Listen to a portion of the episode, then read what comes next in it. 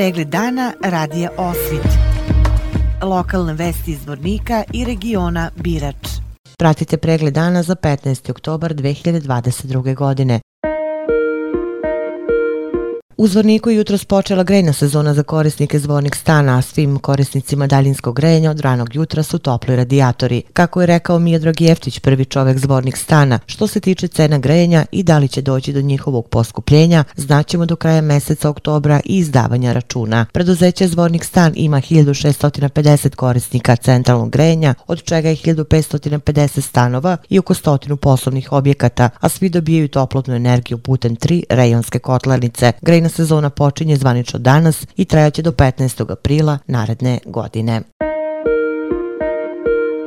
Jedno lice je preminulo od povreda za dobijenih vatrenim oružjem, a troje je povređeno u gostiteljskom objektu u mestu Trnovica kod Zvornika, saopšteno iz policijske uprave Zvornik. U Zvorničku bolnicu su nakon sinoćne pucnjeve primljena dva muškarca, od kojih jedan ima ustrelnu ranu i vitalno je ugrožen, a drugi je zadobio potres mozga, rekao je dežurni lekar ove zdravstvene ustanove. Policijske službenici policijske uprave Zvornik pod nadzorom okružnog javnog tužilaštva Bijeljina priduzimaju sve mere i radnje iz svoje nadležnosti s ciljem rasvetljavanja krivičnog dela kriminala, teško ubistvo i pronalaska izvršioca.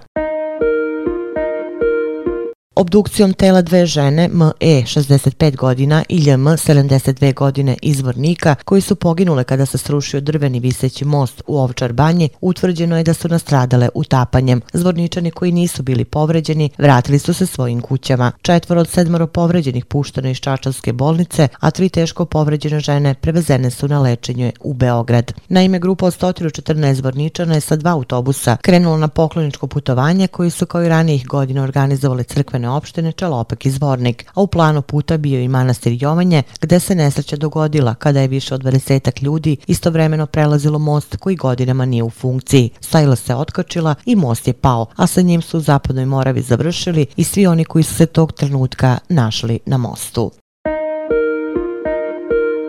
Na području policijske uprave Zvornik u toku je akcije pojačane kontrole učesnika u saobraćaju sa akcentom na kontrolu vozača pod dejstvom alkohola, opojnih droga i psihoaktivnih lekova. U 400 evidentiranih saobraćenih nezgoda u prvih 9 meseci 2022. godine na području policijske uprave Zvornik šest lica je smrtno stradalo, 31 zadobilo teške telesne povrede, a 145 lica lakše je povređeno.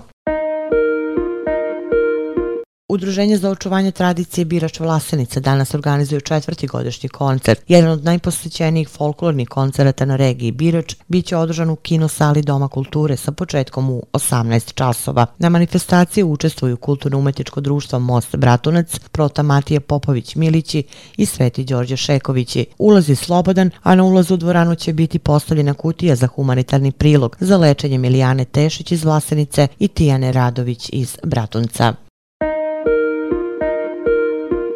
Vesti iz Loznice. Miholski susreti sela biće danas drugi put održani u Lešnici. Manifestacija koju podržava Ministarstvo za brigu o selu ove godine biće održana u 87 lokalnih samouprava širom Srbije. Opširnije na sajtu lozničkenovosti.com. Pregled dana radija Osvit. Lokalne vesti iz Vornika i regiona Birač.